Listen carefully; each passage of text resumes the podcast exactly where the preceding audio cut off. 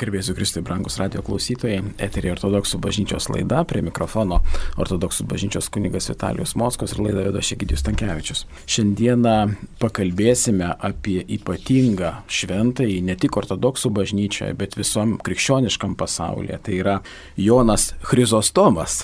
Iš tiesų būtų, bet, bet pavadintas, na, vertimu auksaburnis dėl savo iškalbingumo ypatingas šventasis, ypatingas tuo, jog tai yra bažnyčios mokytojas, ypatingas, kuris davė bažnyčiai iš tiesų didžiulį postumį ir, ir netgi, sakyčiau, tas žmogus, kuris, na, bažnyčiai kūrė stuburą kad bažnyčia būtų tvirta ir iki šių dienų išsilaikytų ir būtų stipri. Tėve Vitalijau, mes iš tiesų lietuvių kalboje ypatingai daug ir neturime aprašymo apie Joną auksaburnį. Taip, šiandien dienai iš tikrųjų yra tik tai e, galbūt trumpas gyvenimo aprašymas ir, nu, gal kažkiek iš jo raštų pacituota kažkur tai ar straipsniuose, ar galbūt ir yra kokia nedidelė knygutė išleista, bet bent jau aš jos nesu aptikęs.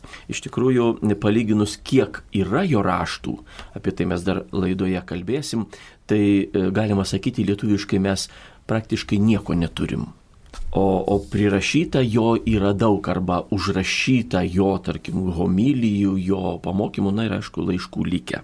Todėl e, kalbėdami apie Joną Auksaburnį, čia šioje laidoje mes iš tikrųjų turbūt papasakosime to, ką, ko nežino galbūt dauguma klausytojų. Tai aišku ir jo gyvenimo, biografijos kažkokiu tai detalių ir žinoma jo jo raštų, jo palikimo bažnyčioje apskritai krikščioniškame pasaulyje. Nes ir katalikų bažnyčia, ir ortodoksų bažnyčia, ir anglikonai, ir net liuteronai skaito jo homilijas. Taigi neveltui jis yra vienas iš tokių žinomiausių krikščioniško pasaulio hierarchų, yra bažnyčios mokytojas, vertas to vardo, na ir žinoma, dėl savo iškalbingumo, graikiškai jį Chrizostomos vadina, reiškia auksaburnis, labai gražus lietuviškas žodis ir kas dar atsimena, ortodoksų bažnyčia Lietuvoje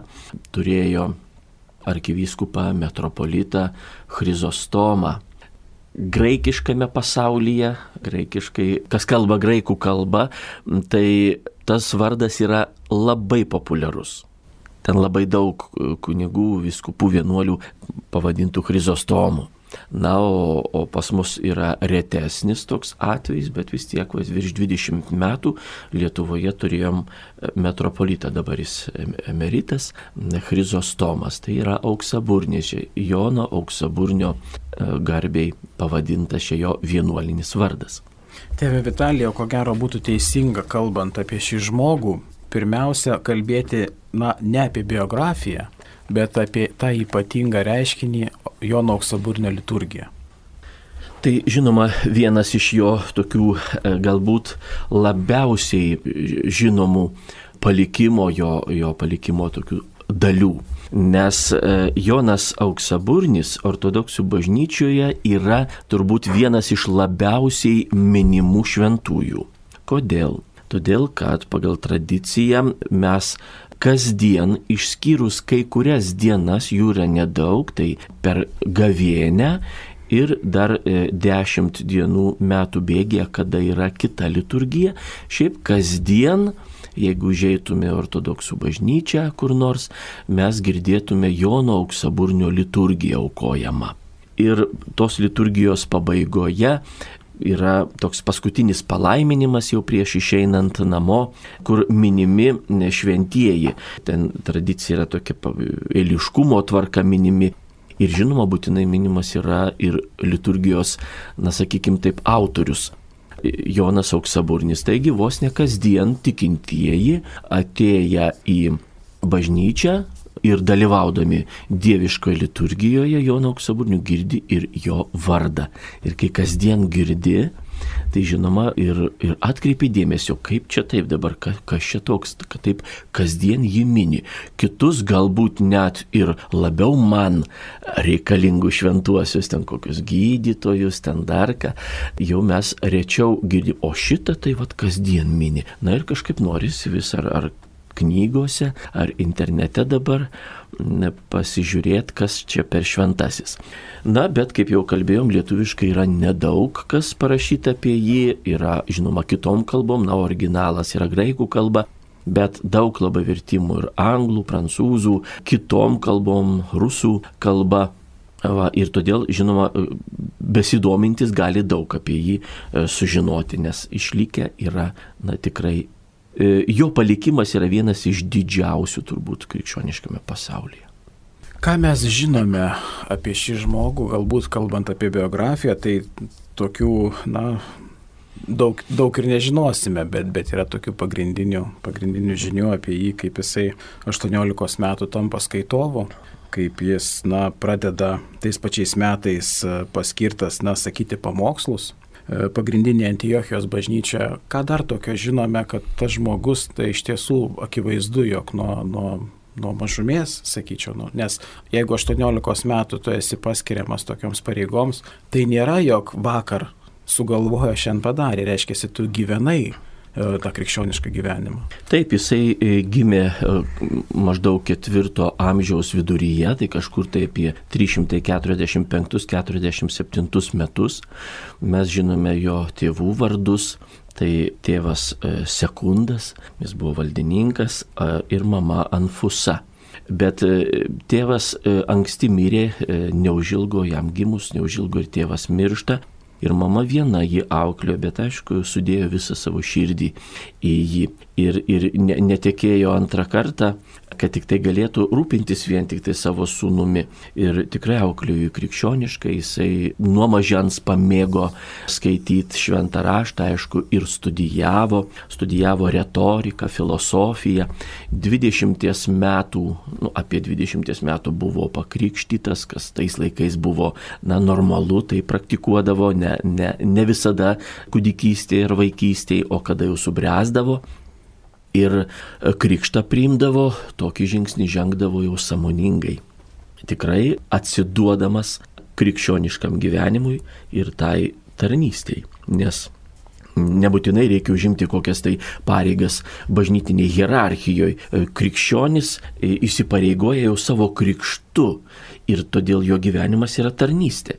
Ir jisai taip nuo mažumės, nuo, nuo mažumės ir, ir jaunas būdamas, e, žinoma, buvo vat, ir, ir skaitovų lektoriumi paskirtas ir pamatę vyskupas e, tuo metu Antiochijos, nes e, gimė Jonas Antiochijoje.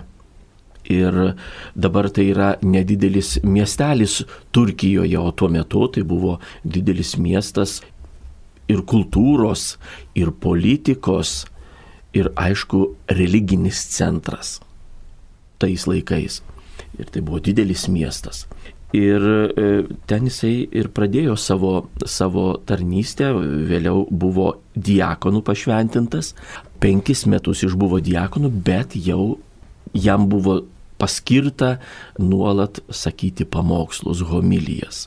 Ir aišku, čia jau turbūt tuo metu jis tikrai buvo vienas iš tokių išskirtinių žmonių, dėl kurių bažnyčioje taip jį paskui ir praminė auksa burnis. Nes jau kaip jisai, kada jisai pradėdavo kalbėti, tai e, taip net sakydavo, kad nustodavo net turguje prekiauti. Ir žmonės iš gatvės tiesiog eidavo, iš lūpų lūpas tą žinia pasklisdavo, kad jau jisai kalba, jau jisai dabar čia kalbės ir, ir tada žmonės susirinkdavo į tuometinę katedrą ir klausydavo jo pamokslų.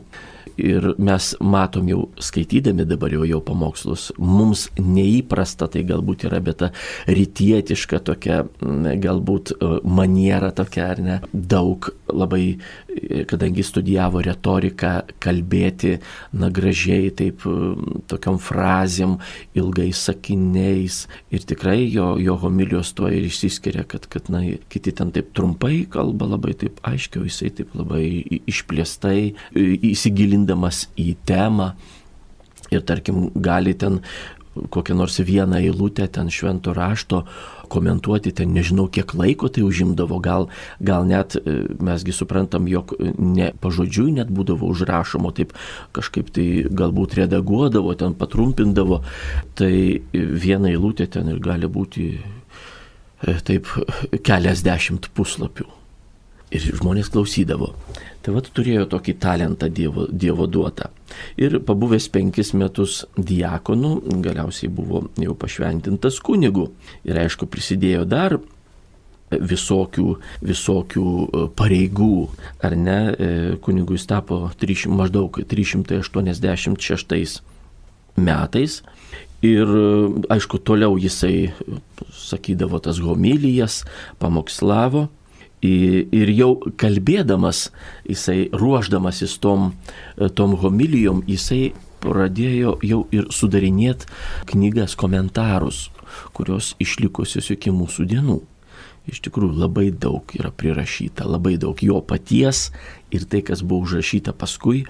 Va, ir, ir galiausiai apie jį jau pasklido gandas, gerąją to žodžio prasme, jau žinia, kad yra toks, toks žmogus, toks uolus, kad jį išrinko Konstantinopolio arkivyskupu. O tai buvo tuometinė jau sostinė Konstantino, imperatoriaus Konstantino miestas, Konstantinopolis. Jam, na, kaip Konstantinopolis, jis dar ir šimto metų neišbuvęs. Bet tai buvo centras jau. Aišku, ne tik dėl jo homilijų ir to, tos žodžio dovanos jį išrinko Konstantinopolio arkivyskupu arba ir iki tol ir kunigų pašventino, aišku, jisai ir, ir, ir buvo maldo žmogus. Jis buvo asketas, griežtas savo asketas. Tarkim, ruoždamas išventimams jis kelis metus, du ar tris metus buvo na, atsiskyrėlių, su niekuo nebendravo ir nekalbėjo, o tik tai meldėsi. Tai irgi toks e, ypatingas turbūt pasiruošimas ir tarnystėj, kurios galbūt jisai ir nesitikėjo, kad jį ten pašventins kunigų, jis tiesiog vat, norėjo būti atsidavęs viešpačiui. Ir mes dabar jau to ne, ne, nesužinosim gal. E, atsidavęs viešpačiui ir, ir norėjo tiesiog su juo bendrauti, Dievuje būti, būti ir kad Dievas jame būtų.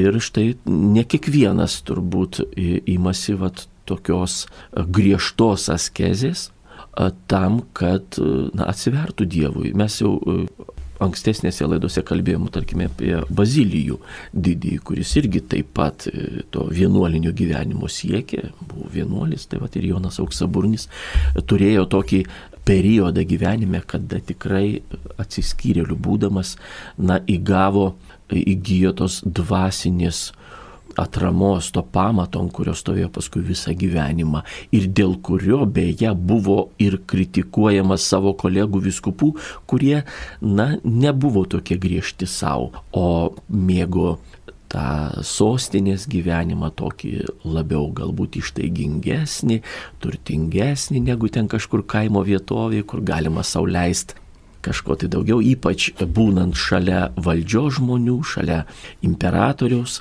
ir jo šeimos. Ir aišku, ten visko būna e, tame dvare ir, ir, ir intrigų, ir, ir, ir visko. Tai Jonui Auksoburniu teko iškesti ne, nemažą e, bėdų ir dėl to griežtumo savo ir žinoma požiūrio į kitus, jisai ragino ir kitus gyventi, nu atitinkamai taip krikščioniškai, kaip ir privalom. Įdomus yra faktas tas, jog na, tie vietiniai dvasininkai iš tiesų, kaip jūs minėjote, laikė jį per griežtų ir 403 metais, kaip teigiama, sinodė po ažalų, jie Joną nušalina.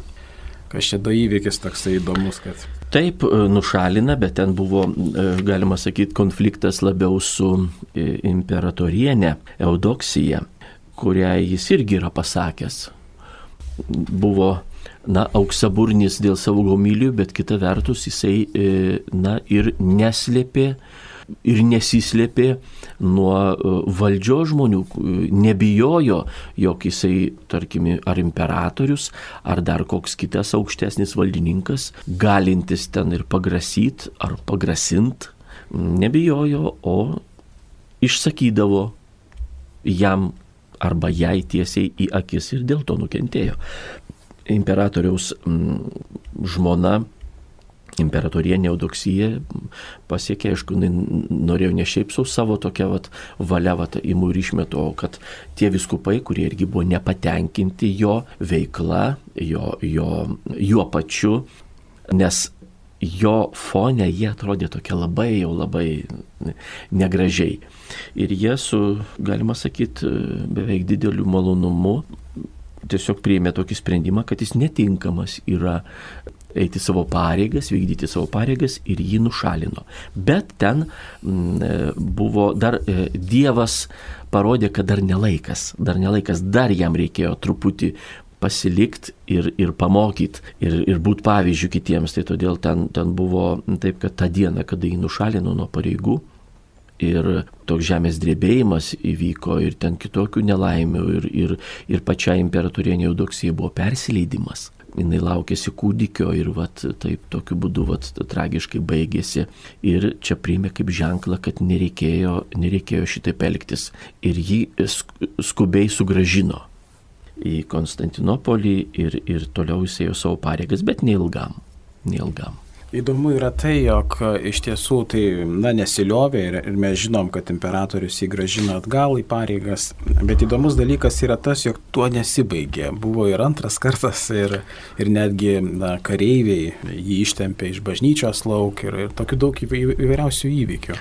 Norisi visada manyti, kad vat, e, toks pagrasinimas, va žiūrėk, ką mes galim su tavim padaryti, bus pamoka ir jis galbūt elgsis kitaip galbūt jau taip nerėž tiesą į akis, galbūt e, bijos, galbūt e, ieškos kažkokiu tai kompromisu arba tiesiog, na, e, tyliau, tyliau elgsis. Va, bet ne, Jonas Auksaburnis kitą pamoką išmoko.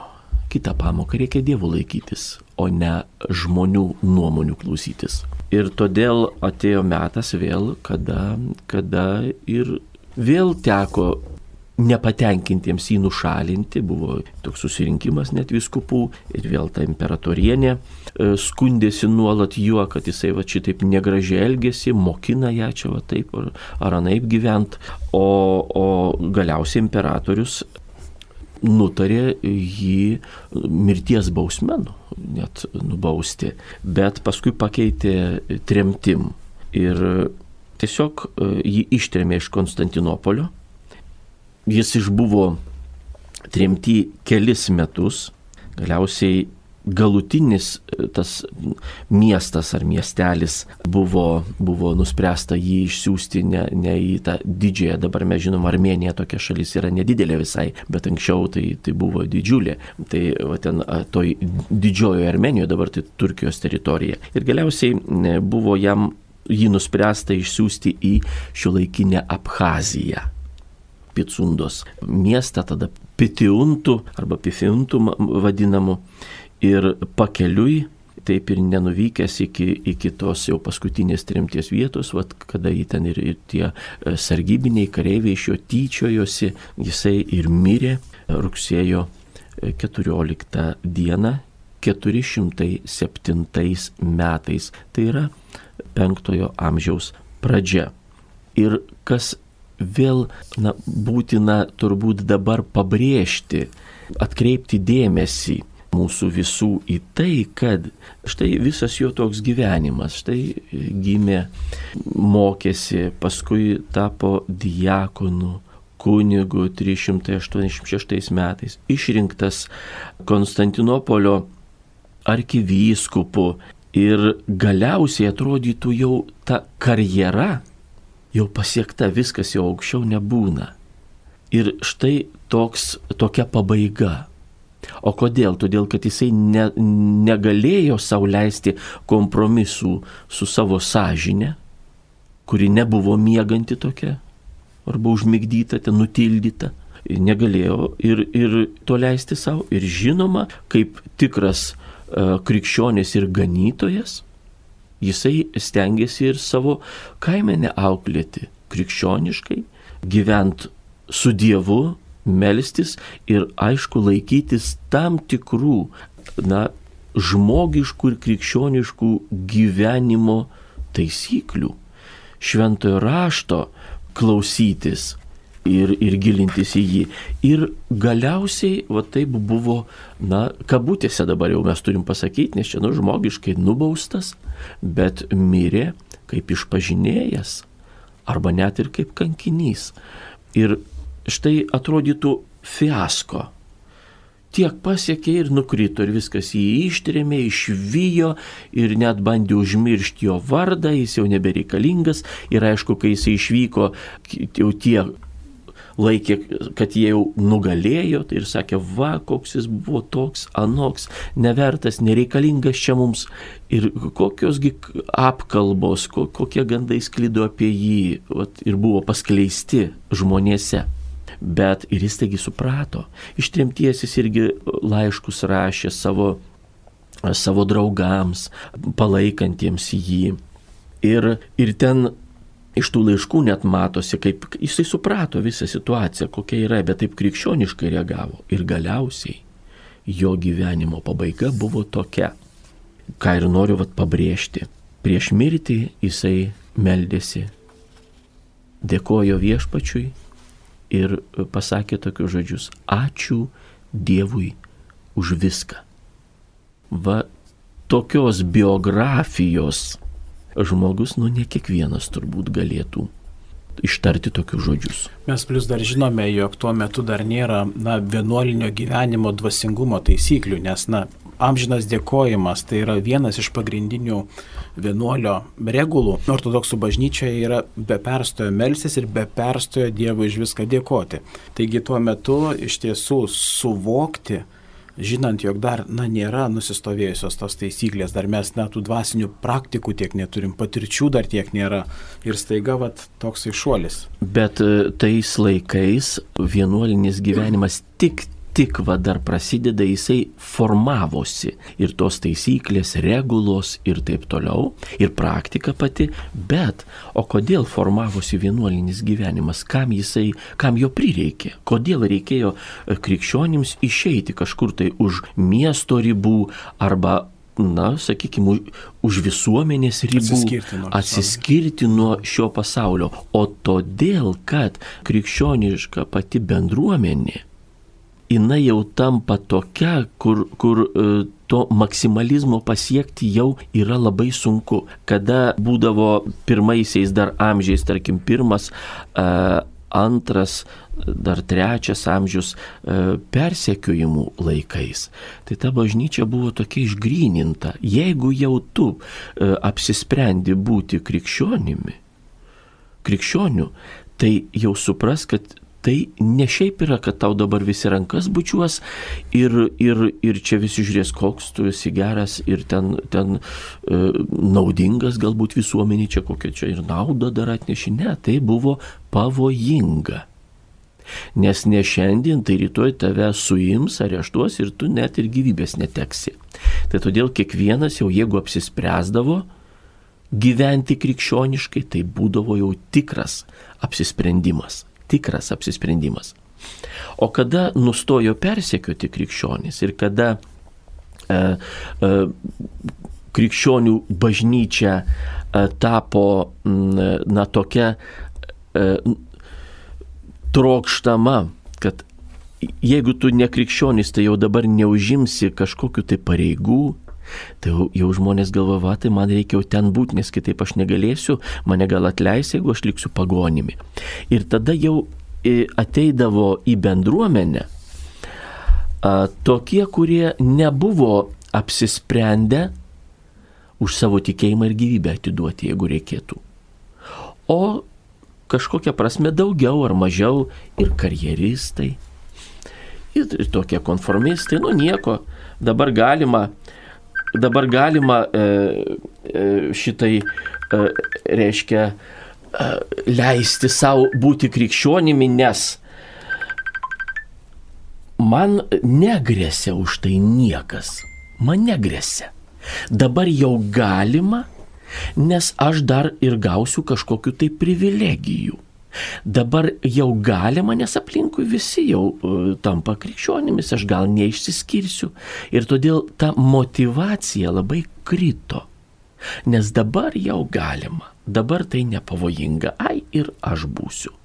bet to noro krikščioniškai gyventi nėra. Kiti motyvai galbūt labiau taip nusveria.